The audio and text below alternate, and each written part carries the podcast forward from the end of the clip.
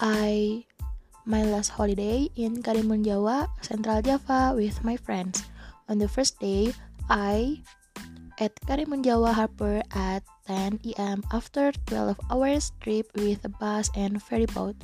After I arrived, I to take a shower and rest for a while. Then I a trip with our guide to explore a few islands around Karimun Jawa. On the next morning, we snorkeling and explored more islands. We had fun. We also good food. On the last day, I shopping for some souvenirs. After that, I to the harbor at 11. We in Bandung at 11 p.m. I a wonderful experience in Karimun Jawa. It the best trip of my life.